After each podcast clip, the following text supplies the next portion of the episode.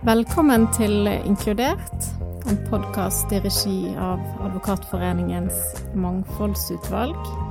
Mitt navn er Ingeborg Tveit, sammen med Mita Arnet så skal vi da altså snakke med Torbjørn Buer i dag.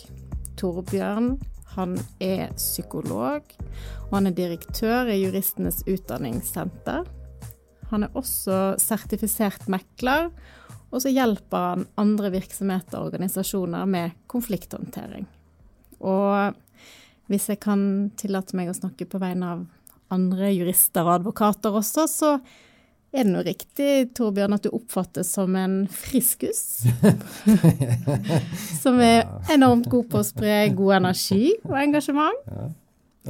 Um, og det er på en måte sånn du er, du er kjent, Torbjørn? Er det det? Ja. Ja, men det, men det, er ikke det verste, det, selv om jeg kjenner et slags eh, press da i inngangen av denne podkasten for å være en ordentlig friskus og artig kar. Ja, ja, men her har vi masse alvorlig tema. Ja, et mm. alvorlig tema, men vi har jo, som du sa selv, masse psykologisk trygghet i dette rommet her, så det, vi eh. trenger ikke være redd for å gjøre feil. ja. Men eh, kanskje du vil si litt om deg sjøl også, Torbjørn? Ja, du har jo tatt det litt sånn igjen da, for, for, deg nå. Eh, jeg kan vel si det, eh, altså jeg elsker psykologi som fag, og jeg syns det er kjempegøy å jobbe i den juridiske liksom, verden, da, særlig møtepunktet mellom jussen og psykologien. Det er et gøyalt sted å være. Da har du jo nevnt det. Mekling, forhandling, konflikthåndtering. Disse begrepene der er egentlig det det handler om. Eh, I, I, tillegg så tror jeg veldig mye av dere advokater, altså jurister, driver med har et stort element av psykologi eh, ved seg. Altså Bare det der å være trusted advisor, det å ha tillit blant eh, klientene deres, det kommer ikke av seg selv, og det vet dere veldig godt. Det er en, en veldig sånn Ganske egentlig sånn avansert eh, møte mellom mennesker der din eh, måte å fremstå på, med varme, eh, ikke så varm, opplevd dyktig, faglig kompetent eller ikke, er veldig avgjørende. ikke sant? Så det det er mange felter som eh, advokatene lever innenfor, der personligheten deres og deres evne til å kommunisere er helt avgjørende.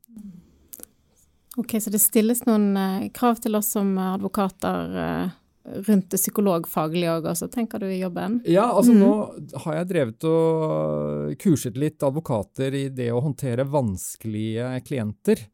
og når jeg har hørt hvor vanskelig noen av de sakene dere har, da, er, og da er det særlig kanskje advokater som har eh, medlemmer som eh, klienter, så har jeg tenkt at jøye meg, her er det et ganske stort spekter av eh, ferdigheter du skal dekke da, for å kunne gjøre en ordentlig god jobb her.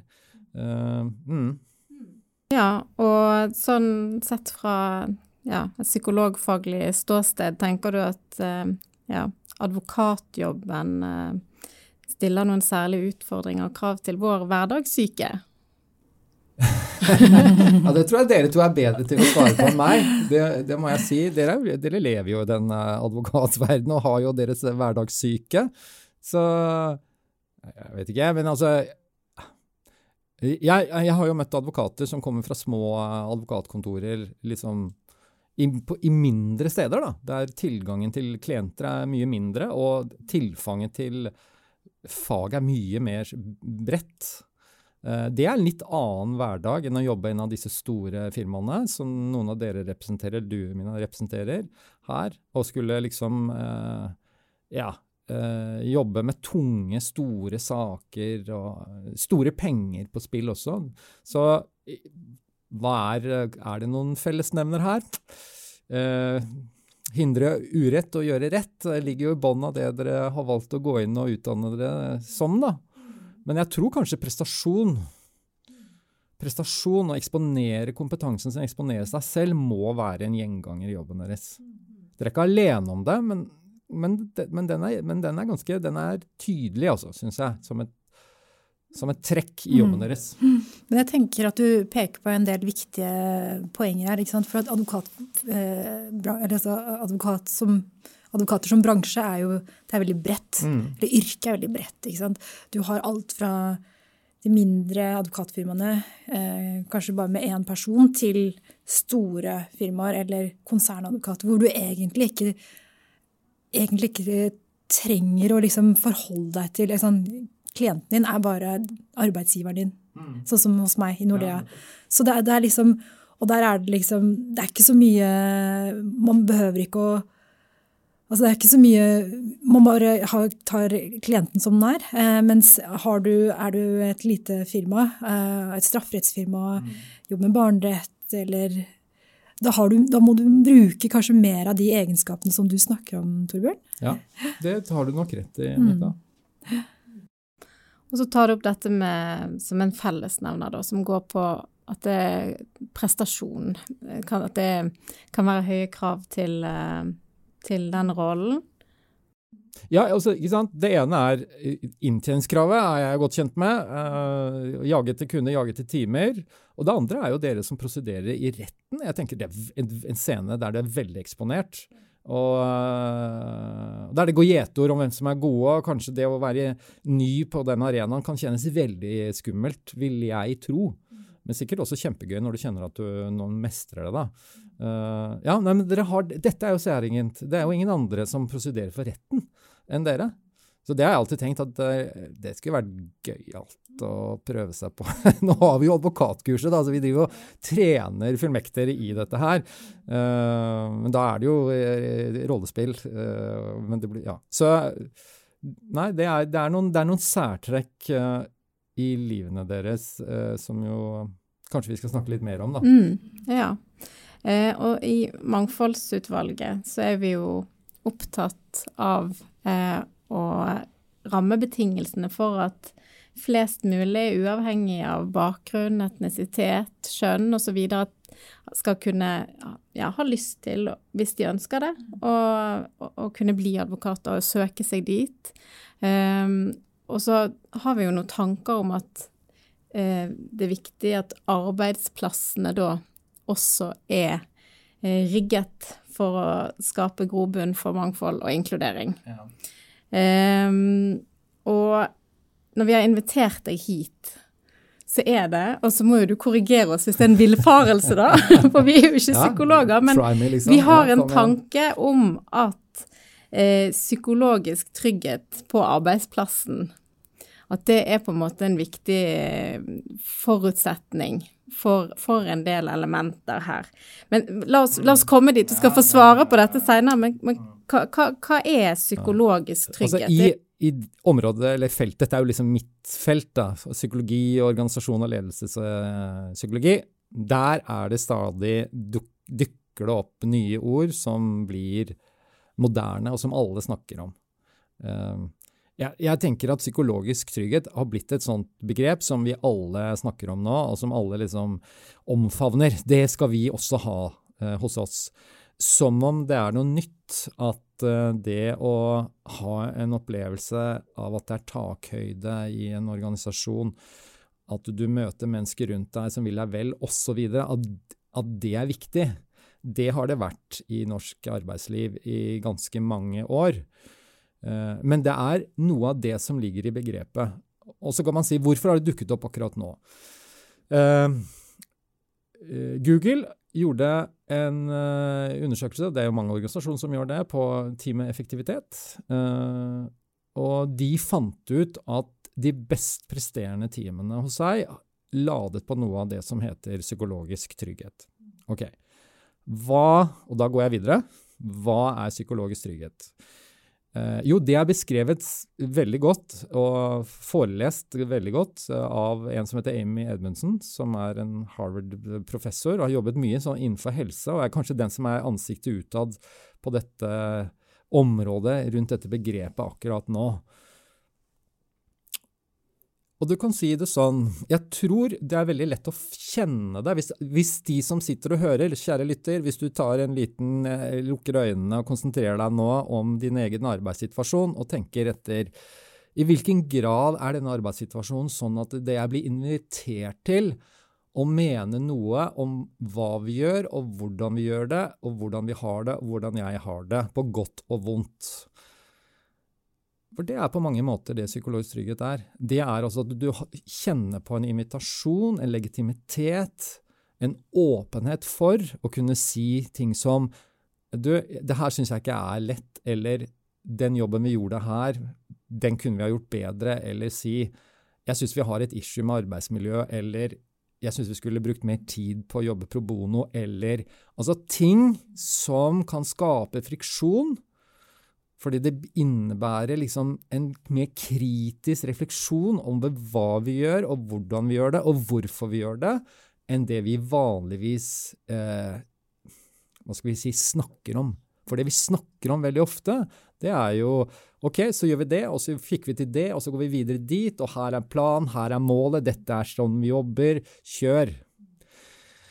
Uh, og derfor så krever, og det, og det, er det som er interessant, det krever en del eh, i, altså i, arbeidskulturen for å liksom etablere og liksom framelske dette psykologiske trygghetselementet. Men som sagt, det jeg mente, det er du kan, du, kan, du kan, bruke deg selv og din egen opplevelse av det. Og så betyr det ikke sånn at om jeg syns det er eh, psykologisk trygt å være et sted, at det betyr på min arbeidsplass at alle andre vil oppleve det sånn. Men det er en god start for å liksom få tak i hva begrepet innebærer.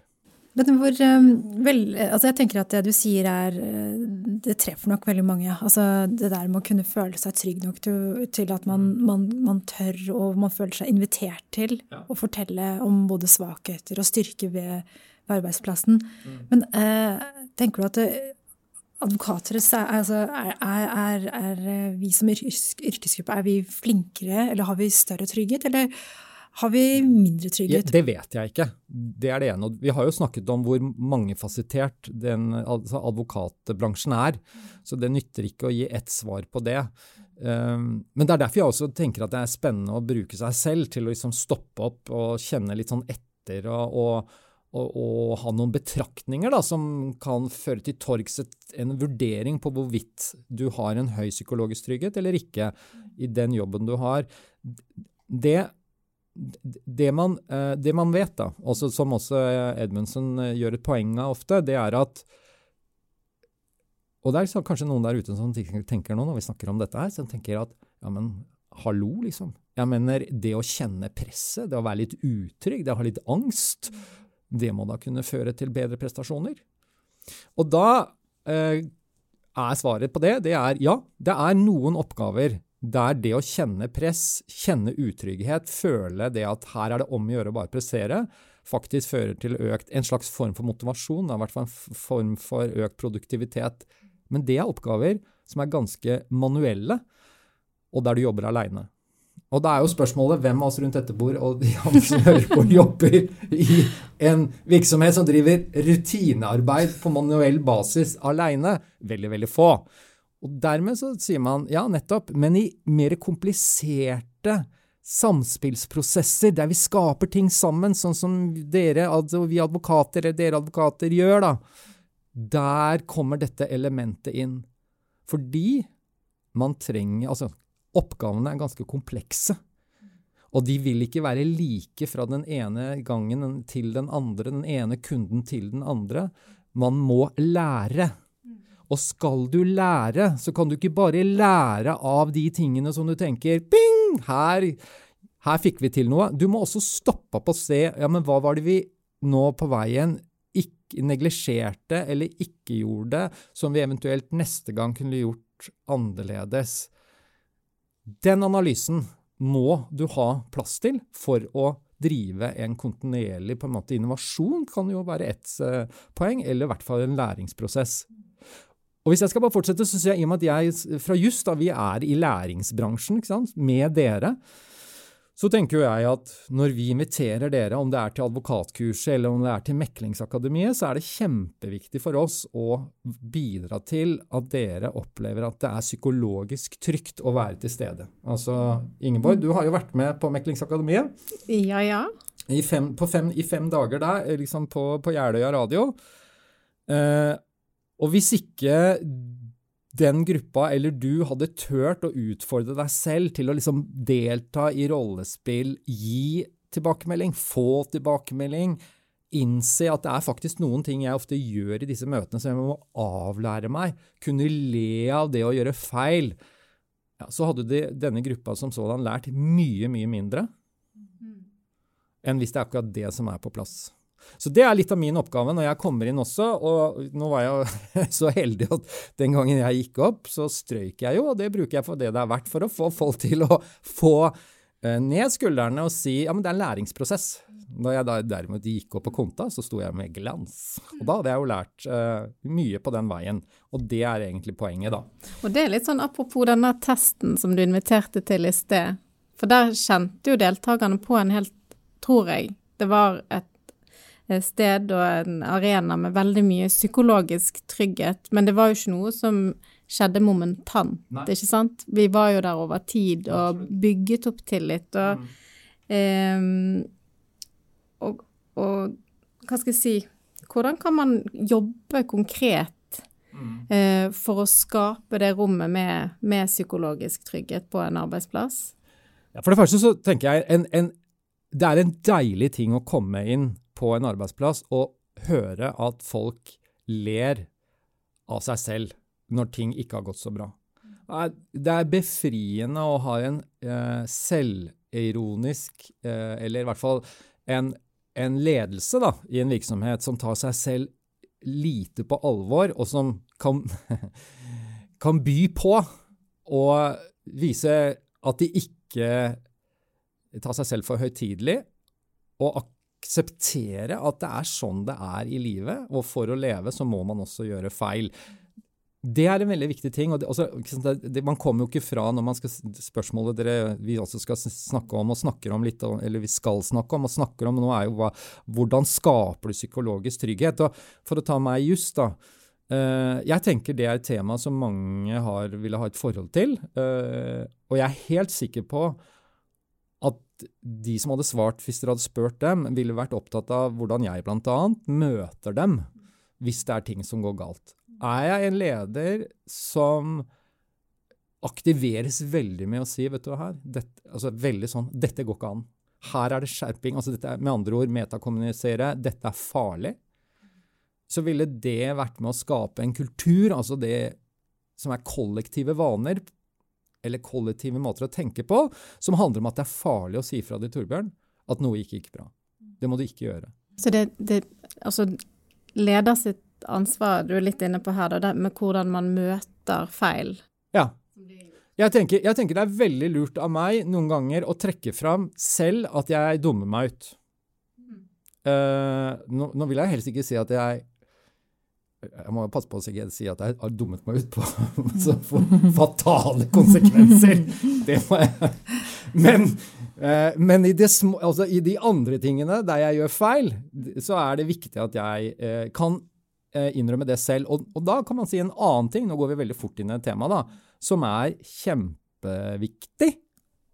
Det er at jeg er villig til å høre hva uh, mine folk, mitt team, mine medarbeidere mener. Og da kan man også si at i mange virksomheter, sånn som dere jobber i, så er det et hierarki. Nå tar jeg en sånn parentes og går litt videre. I det hierarkiet så er det antageligvis sånn at eh, det er noen som blir lyttet mer til enn andre. Sitter du i en ledergruppe, har du en, eh, enten en formell eller uformell status i hierarkiet i organisasjonen, i Nordea eller i Stigler eller hvor dere er, så vil man med en gang merke at det er noen som blir lyttet til, og det er andre som ikke blir lyttet til. Det er et sosialt system som fort blir etablert. Psykologisk trygghet handler om å ikke gå med i en sånn type hva skal vi si, uformell statushierarki når det gjelder hvem kan mene noe om hva. Det er ikke sånn at det er bare en i en ledergruppe som kan få lov til å uttale seg om porteføljen vår. Vår fagportefølje den kan enhver som jobber i juss, få lov til å mene noe om. På godt og vondt. Og jeg, og her kommer det, min jobb er å lytte til det som blir sagt, og prøve å forstå hvordan det ses fra den enkeltes perspektiv altså at lederne bør være mer lydhøre til hva de ansatte sier. Altså, ja, du bør invitere til det. For, det. for det du sier, er jo at vi har systemer i de ulike eh, altså i, i, på arbeidsplassen hvor man har et hierarki, mm. hvor man har en leder og en, kanskje en uformell nestleder eh, som gjerne nikker veldig mm. til det lederen sier. Og da er det litt sånn skummelt. Eh, å si noe som man vet de to ikke vil være enig eller som ikke er innenfor deres interesseforhold. Du kan jo teste eller- den her, da. ikke sant? Nå sitter du på dallmøte. Hvor mange er det når dere møtes, f.eks. hos dere? I Ja. Ligel eh, i Norge. Eh, vi er kanskje 35-40.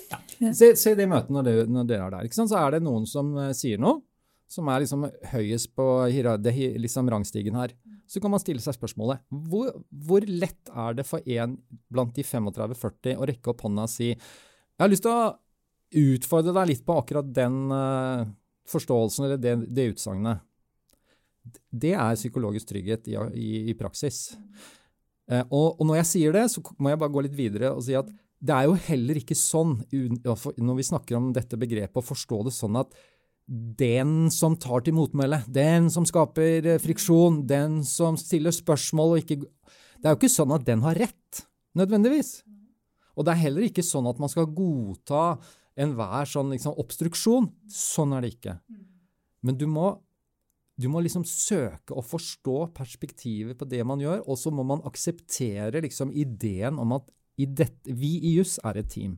Og alle har en rolle å spille, og alle ser på en måte det vi gjør ut fra sitt perspektiv. Og jeg vet, og jeg, jeg tror virkelig 100% på den genuine dedikasjonen som mine folk har til det vi skal levere. Og hvorfor skulle jeg ikke lytte til det da, selv om jeg tenker Nei, ikke nå igjen, da. Ikke dra oss inn i disse detaljene. De detaljene kan være kjempeviktige.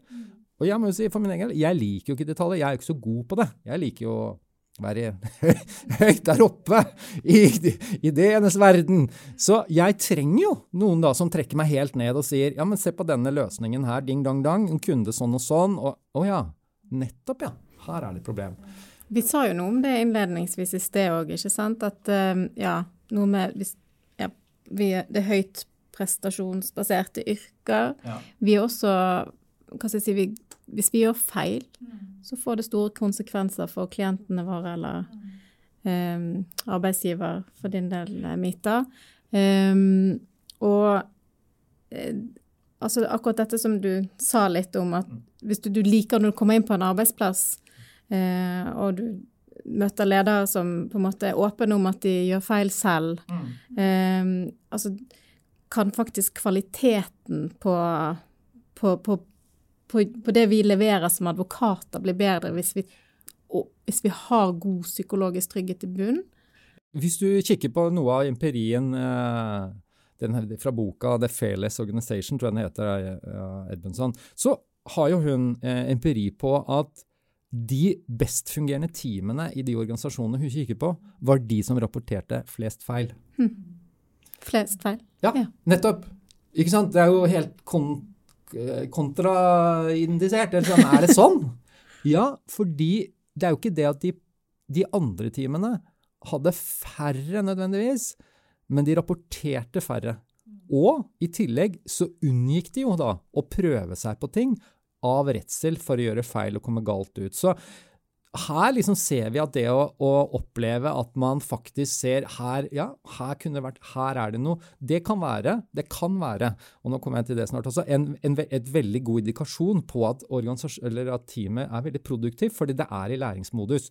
Men så er det viktig å si, det er jo ikke sånn at psykologisk trygghet i seg selv skaper liksom eksellens. Det må kobles med det å være liksom sense of urgency. Det at du faktisk er aktivert på vegne av organisasjonen. Du ønsker å levere liksom advokatjobben din top notch. Og du har en dedikasjon. Altså disse to, liksom, urgency og dedication, er liksom de to begrepene hun bruker. Så de begrepene, sammen med psykologisk trygghet, er liksom det som er eksellent, da. Ja, bare, bare sånn jeg forstår hva, du, forstår hva du mener da, Torbjørn. Altså er det um, for, for, det, for det reagerte jeg sant, litt på i sted når du snakket om at det er fint at man er åpen om at man gjør feil. Og, for det er jo vel heller ikke bra hvis man får en kultur hvor man på en måte bare ha-ha-ha, ler vekk alle feil, Nei. og ja, alle kan være åpne. Så det, det du sier, at man må liksom ha, koble dette med litt sånn ansvar. Altså folk må fortsatt føle ansvar for å Eller Ja, men tenk deg disse to dimensjonene satt sammen. ikke sant? Nå har vi snakket litt om psykologisk trygghet, så vi tenker at da vet de som hører på, sånn cirka hva det er. Og så har du den driven om å gjøre bra jobb, ikke sant? Dette med være opptatt av at ting må være bra, og dedikasjon til å være med og bidra til at det skal gjøres bra. Det er liksom, La oss si at det er et element. Og da sier hun sånn Hvis begge disse to er lave, hvis eh, både psykologisk trygghet og den dedikasjonen eh, er, eh, er, lave, da sier eh, liksom, teorien hennes at da er det jo den ap apatisonen. Her skjer det fint lite. Og det er nok veldig få av oss som opplever å være der. Derimot så er det ganske mange som kan være oppleve å være i en situasjon der dedikasjon og urgency er veldig høy, mens den psykologiske tryggheten er lav. Og Hva tror dere skjer da? Hvordan kjennes det ut, tror dere? Jeg ville tenkt utrygt. Nettopp! Ja. Angstsonen kaller hun det. Det er utrygt. Du ser og du vil, men, men, det, men, det, er ikke noe feedback. Det skjer ikke noe dynamikk rundt hvordan du skal foredle ting, så du går alene med den engstelsen eller den uroen. Og så du, kan du snu den på hodet igjen. kan si Det er jo en god, sted, en god, del steder som er sånn Det er masse psykologisk trygghet. Det er veldig lav sånn urgency og, og, og ønske om eksellens. Og hva er det? Koselig? Ja. det er veldig koselig. Det er det liksom komfortsonen, da sier de. ikke sant? Det er, det, lett, det er lett å henge, det er lett å være med, men det er jo ikke så veldig mye som, det, som, som blir skapt. Så, ikke sant? Og så kommer den alltid sånn innenfor organisasjonspsykologi, så er det alltid den fjerde kvadranten her oppe til høyre. da. Den er altså høy på urgency og forpliktelse, på ikke sant? ditt drive på å bidra, og så er den høy på psykologisk trygghet. Da skjer det ekstraordinære gode ting. Men du Torbjørn, eh, nå har vi snakket litt om det at sånn, strukturelle måte, eh, mål fra ledelsen og sånne ting. Men, men, hva med oss selv? Altså hva med det, på, det å kjenne på frykt? Nå har vi spilt inn flere podkastepisoder. Vi har, Særlig forrige sesong så snakket vi med ulike advokater i ulike bransjer, mm. og flere av de nevnte dermed ikke sant, eh, frykt. Frykt som man kjente på. Frykten for å mm. feile. Ja. Eh, de mentale barri barrierene. Altså, hvordan kan man liksom, Hvordan kan man på en måte selv, og ikke fra arbeidsgiverens side, men selv ta tak i og adressere den frykten? Hvordan kan man trekke ned det på en måte ambisjon, Eller hva skal jeg si ikke ha så høye ambisjoner, men bare tenke at det er greit? Ja. Ja, for det, det du sier nå, er vel egentlig den, den der angstsona du er i. Når du er høy på dedikasjon, høy på urgency, vil liksom bidra skape ting og prestere, og så er det, opplever du at det er ganske lav psykologisk trygghet. Ja. Ja, altså, det er, ganske, det, er, det er, ikke uvanlig at mange opplever det. Også i særlig sant, kommersielle virksomheter, drevet av teamet, drevet av klient. Her er det, Du danner seg hierarki. Hvem er best? Hvem er det uformelle lederen og den høyeste på rangstigen? Hvem er den som ikke er så høy på rangstigen internt? Ja, så måler man hverandre. Ja, jeg gjenkjenner det fra noen av de advokatfirmaene jeg har vært inne i, de miljøene. Hva gjør man? Og jeg vil også bare legge til at jeg hørte på hun, eller jeg leste Sheryl Sandberg, som er, er hun CEO i Facebook, hvor de har en stor plakat hvor det står What would you do if you were not afraid? Ja, eh, og det tenker jeg av og til på. ikke sant? Hva, hva ville du gjort hvis du ikke var redd? Ja. Og ikke hadde den frykten der? Ja. Jeg syns ikke det er så lett å råde på det. Det kan jo hende at det, er, eh, at det slår kontra å rekke opp hånda og si at 'jeg syns ikke dette er så bra', liksom eller jeg har lyst til å utfordre oss, eller hva det er du sier. Uh, det er, og jeg kan jo kjenne det selv også som leder. Jeg liker jo at folk er med. Jeg liker at nå er vi i godfot her, og nå er det tut og kjør. Så det å holde igjen og, og stoppe opp, ja, det krever noe da fra ledelsen, og det må du jo stole på at de har. Og hvis du ikke stoler på at, du, at de har det, ja, skal du ta sjansen på det, da. Skal du ta sjansen på Altså, jeg tror ikke de fleste organisasjoner har, er, tar seg såpass på alvor at de, de, setter seg selv i stevne rundt hvordan har vi det hos oss. Jeg tenker, Hadde jeg vært i en sånn organisasjon, så tror jeg jeg ville sagt jeg skal i hvert fall gi det et forsøk. Så ville jeg snakket med noen andre. Jeg vet kanskje eh, ja, Jeg vet ikke hvem jeg skulle snakket med, men noen andre kollegaer. Og så ville jeg adressert dette temaet på en eller annen måte. I, lagt det inn i en arena der man jobber med å se på seg selv for å bli bedre.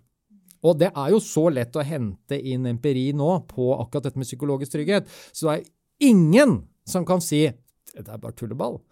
Altså, det, det, er det, det, er det virkelig ikke. Altså jeg mener Google er Det er ikke noe det er ikke treigt liksom, offentlig uh, etat. Så, så, her snakker vi om uh, forskning fra veldig sånn edga kommersielle virksomheter. Men jeg tenker litt det som du sier, Mita, sant? Altså, er det noe vi kan gjøre selv? Altså, Vi bør jo være litt sånn trygge i oss sjøl òg, da, Torbjørn. Men er det det du egentlig sier, at så lenge det, det skjer på en måte ikke på individnivå, vi må, man er avhengig av at led, du må ha med de som bestemmer? Ja, altså, hvordan, hvordan, altså, her er det jo ikke sånn, hvordan skjer, eh, hvordan skjer kulturutvikling da, i, i en organisasjon?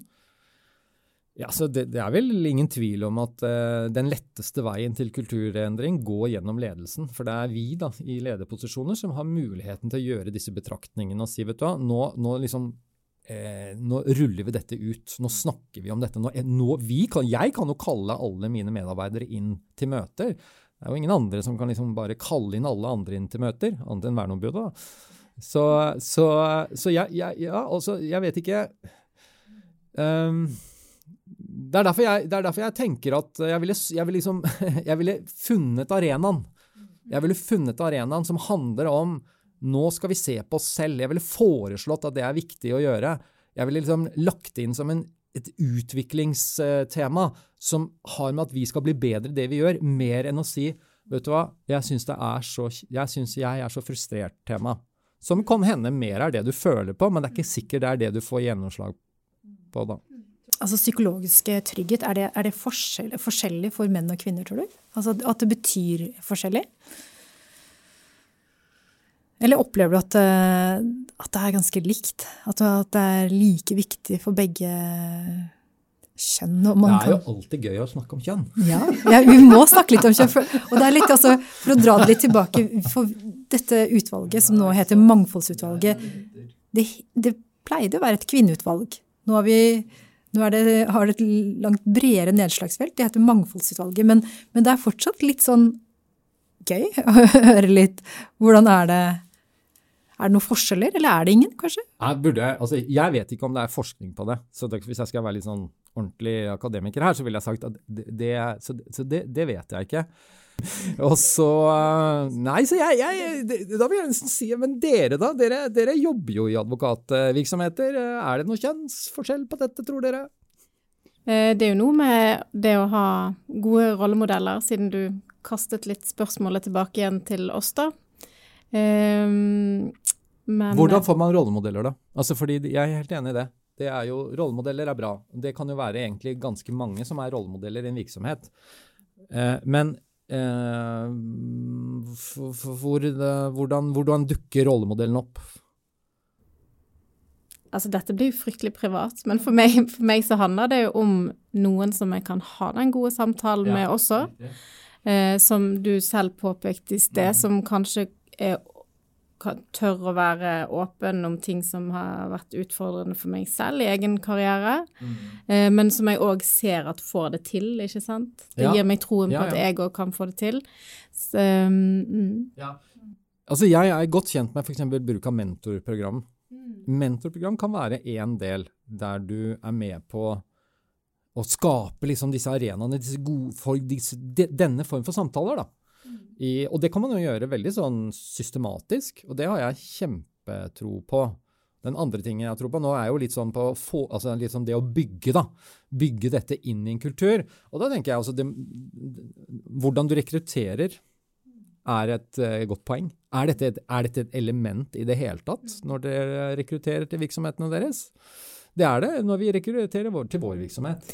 Hva tenker du på da? Altså det viktigheten av å rekruttere inn mennesker som kan bidra til et arbeidsmiljø hvor, som er preget av høy grad av psykologisk trygghet? Ja, jeg tror rett og slett å bestemme ja. seg når man rekrutterer, så bør man jo være ganske tydelig på å si hva, hva, hva, er det vi ønsker å presentere den nye kandidaten for? Hva slags arbeidsmiljø hva er det vi har? Hvordan ønsker vi å utvikle det? Altså det, det spørsmålet må man jo håpe når man driver rekruttering, mm. Uh, eh, syns jeg.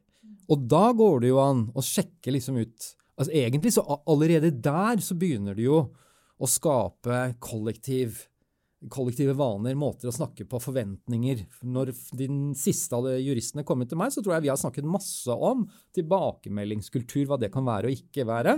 Så må vi selvfølgelig leve det, men der har vi allerede tenkt at det er en del av sånn juss er, og, og, det er en del av det liksom, prosjektet dere skal være med på. Og vi inviterer dere til å dele det dere har på hjertet. Og da må jeg tåle at det av og til er litt sånn Nei, dette syns jeg ikke funker. Nei vel, unge mann som nettopp har begynt her. Du syns ikke det, du? Det er altså ikke en bra, bra respons. Men å si 'fortell', vil gjerne, det vil jeg gjerne høre. Eh, hvordan er det du, hva er det du egentlig Ja, hvordan kunne du tenkt deg dette var annerledes, liksom?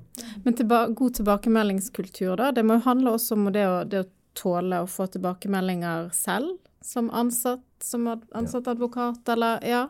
Ja, akkurat tilbakemelding. Superspennende spørsmål. Jeg tror det passer veldig fint inn i dette psykologiske uh, trygghetsgreiene.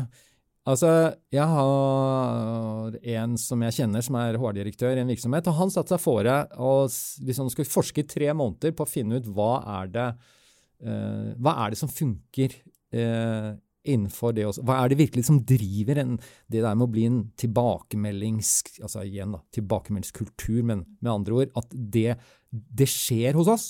Vi gir hverandre tilbakemeldinger. Hva, hva er det som er nøkkelen der? Hva tror dere var svaret han fant etter tre måneders gransking?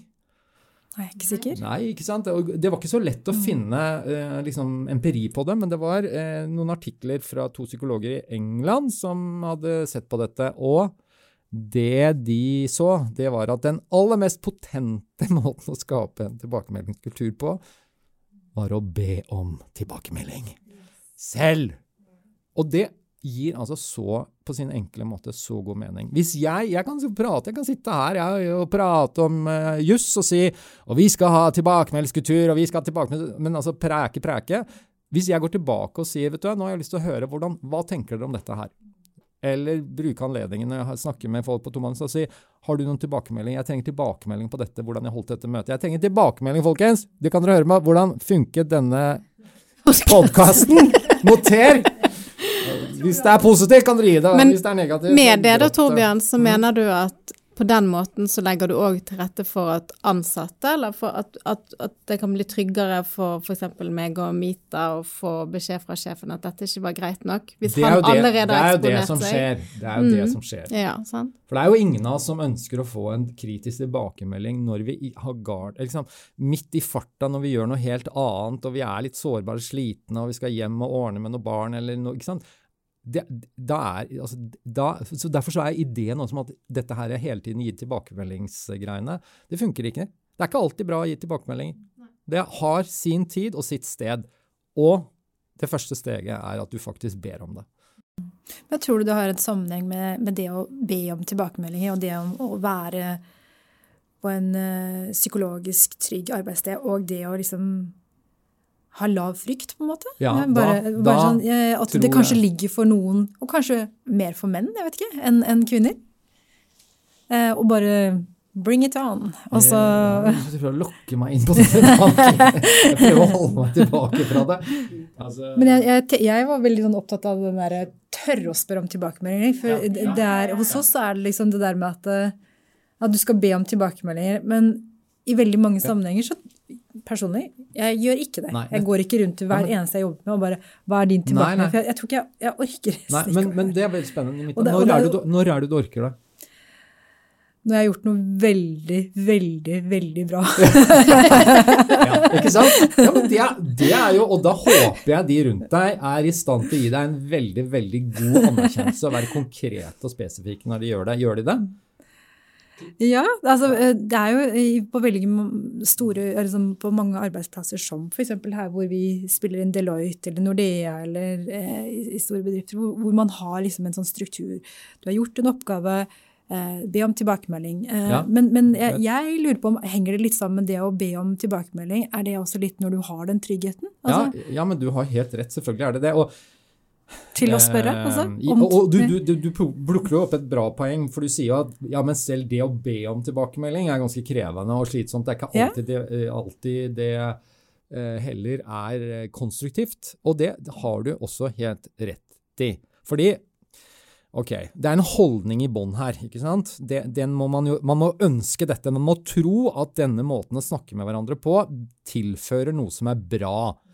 Liksom, bra for jobben, bra for opplevelsen av å være her. Altså, det, er, det, er, flere elementer i det. At man faktisk gjør en eksellent bra jobb, da. Også resultatet. Fordi dette bringer inn hva da? Jo, læring. Det bringer inn læringseffekt. Og vi har snakket innledningsvis om at det å være advokat er å være veldig tett på folk i veldig stor grad.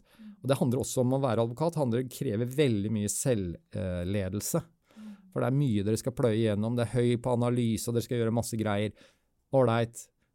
Og da da må man jo ha en forståelse av hva er det, og, hvor er det vi gir eller ber om disse tilbakemeldingene. For Jeg syns det er interessant, og jeg, jeg, gjenkjenner det også. at Jeg orker jo ikke å be om, gå rundt og be om tilbakemeldinger. alltid. I hvert fall ikke når jeg er sliten. I hvert fall ikke jeg er usikker på om jeg har gjort det bra. Men det er akkurat da. Sant? Og Jeg sitter jo her og prater om dette nå, men jeg, vi har jo ikke noe perfekt opplegg rundt meg eller på juss heller rundt dette. Men jeg er helt sikker på og nå skal jeg inspirere meg selv til å ta tak i det igjen, at det går an å legge dette inn og normalisere det. Hvor, hen, hvor, det, hvor kan det være? Har man en god kollega-coach? Det er det jo noen som, Jeg vet ikke om dere har det. Men der er det et sted man kan ta opp og si nå trenger jeg høre hva var det, hva, hva, hva var det som fungerte synes dere, med det jeg gjorde her? Hva, kunne jeg gjort noe annerledes? Hva kunne gjort at denne saken ble bedre håndtert? Så, ja, så har man denne drillen inne. Det er en fin måte å løse det på. Og det er jo litt sånn kollega til kollega. Ja, det er sant? kollega til kollega. Og, ja. og, jobber, dere jobber jo ofte i team, gjør dere ikke det? Mm, jo. jo. Eh, og eh, tidvis i team og tidvis eh, helt alene. Ja. ja. Og det det krever, da, for det er det som jeg Jeg har jo vært med på denne drillen her før, så sier du ok, nå er jeg litt sånn, kjenner meg litt sårbar, litt sliten, vi har vært ute, vi har gjort noe, det har vært viktig. Uh, et styremøte, f.eks., og så spør jeg da eh, liksom min uh, medarbeider ja, hva syns du, liksom, hvordan har dette vært? Også, hvis du da ikke får nesten noen ting, hvis du får at det var greit, greit, ja, så lander det dårlig hos meg. Ja, Og ikke gir det læring heller. Greit er dårlig, ja. det. Det er for meg, det er, ja, Og ingen læring. Mm. Så det krever jo at den andre også sier ja, jeg syns eh, Jo, men Torbjørn, jeg syns den saken, hvordan du framla det, det syns jeg var veldig det synes jeg overbevisende. Så ble du litt, kanskje Kanskje det var litt mange ord, eller litt utydelig akkurat på den delen. Ja, så kan jeg si ja, jeg vet. Og jeg vet hvorfor, fordi jeg var litt usikker på om jeg skulle si det. Og da vet jeg at jeg er trygg. Ikke sant? Ja! Lærerikt! Yes! Dette er bra! Men du, også litt tilbake til den her tesen som vi hadde innledningsvis rundt at hvis vi får opp eh, den psykologiske trygghet på arbeidsplassene der det jobber advokater, så kan det også være med å bidra til eh, mangfold. At flere, uavhengig av bakgrunn og kjønn, etnisitet og språk, og i det hele tatt søker seg til disse plassene, blir på disse plassene. Mm. Eh, jeg har tanker om det, men har du noen tanker om det, Torbjørn? Jeg vet bare at jeg vil være og jobbe et sted der det er denne kombinasjonen av at man ønsker å prestere, og man kjenner at det er litt sånn kald i det man skal gjøre, samtidig med at man har den psykologiske triggeren til å, liksom, altså å bli invitert til å tenke forbedringer eller tilbakemeldinger, eller hva nå vi snakker om. Ja, jeg det. Jeg tror på den empirien, at det er et bra sted å være for alle. Uh, og så vet jeg at det ikke er så Det kommer ikke av seg sjøl. Det er vel litt av det vi snakker om nå også. Det må man være helt klar over der ute som sitter og hører på. Det gjør det ikke. Men at det kan også ses i et sånn mangfoldsperspektiv, som dere trekker inn nå. Altså, ja, det, det, jeg har egentlig ikke, det har jeg ikke tenkt så mye på, men uh, uh, hvorfor skulle det ikke det? Nei, det er jo sant. Eh, hvorfor skulle de ikke det? For dette er jo fint på mange måter. Men du sa også noe ganske tidlig, Torbjørn, om at eh, hvis man jobber med dette på en god måte, så blir tilbakemeldinger litt sånn uavhengig av sosialt hierarki, ja. sa du. Ja, det sa jeg. Sant? At, det sa jeg. Ja. Ja, det, det, er sant. Og hvis, hvis uh, sosiale hierarkier, og det vil jo ofte kunne være, liksom frem altså Altså, de forfordeler noen. Det er noen som får eh, tilgang til noe, til informasjon, og holder på informasjon. Det er noen som får muligheten til å, å skinne, mens andre ikke får liksom systematisk. Og det blir bare repetert og repetert. så vil jo en organisasjon som utvikler større psykologisk trygghet, få mer motstand på dette, liksom denne, denne sånn usynlige delen av organisasjonens funksjon, og dermed inkludere flere folk. Ja, jeg er med på den. Jeg har lest at du har uttalt at um, dette faget, altså jussen, det går glipp av de beste talentene. Og da, det, det, sa du i en sammenheng hvor du sa at det er, det er bortimot liksom 70% kvinner som studerer juss. Og så er det bare en bitte liten andel av kvinner som er med helt i toppen i de store firmaene. Mm. Um, du har jo pekt på det, ikke sant? Ja. Det, med, det må strukturelle endringer til. Ja. Uh, og nå har vi også snakket veldig mye om det med sosial trygghet. Mm. Og at det kan kanskje ha uh, ulik betydning for menn og kvinner. Kanskje. Mm. Uh, men er det noe annet? Er det noen andre elementer der? Liksom, har du noen tanker helt fritt? Og jeg vet at det her er et kjempevanskelig spørsmål som, altså, som veldig mange grubler på. Hvorfor, hvorfor liksom, gir man seg et løp, et sånt løp eh, mot toppen, f.eks. I, i, i et eh, advokatfirma? Ja. Nei, mm. det er riktig, jeg har sagt det. Og det, og det, det var li, altså litt sånn på avstand, men ikke, så, ikke sånn 100 mil unna. Men når jeg liksom mysa litt inn i de store, da, er det jo litt sånn eh, advokatfirmaene, så undret jeg meg over det. Eh, og, og, og, undringen er akkurat som du eh, påpeker, den kommer jo fra et veldig enkelt regnestykke. Her er talentene. De, altså Kvinner er i flertall av talentene. Jeg tenker at de er liksom Og de gjør det best. Og de mm. gjør det best også. Mm. Og så går jeg inn i advokatfirmaet og sier å ja, men de som sitter og styrer og eier og liksom eh, Det er stort sett menn. Uh, og det jeg syns også er litt pussig her, at det er jo ikke Altså arbeidsmengden for kvinner er jo ikke nødvendigvis mindre. Nei. for selv i et veldig likestilt samfunn som Norge, mm. så tar jo fortsatt kvinner langt flere ulønnede mm. timer på hjemmebane ja, enn menn. Så, ja. så, totalt sett så er jo ikke mm. arbeidsmengden og timene færre for kvinner. Det er bare annerledes fordelt. Ja, det er helt sant. Uh, det, det, er helt sant. Og da kan man si, ja, finner man løsningen liksom, i, sånn, i samfunnstrekkene i parforholdene, da, hvordan man nå driver og forhandler på hvem gjør hva.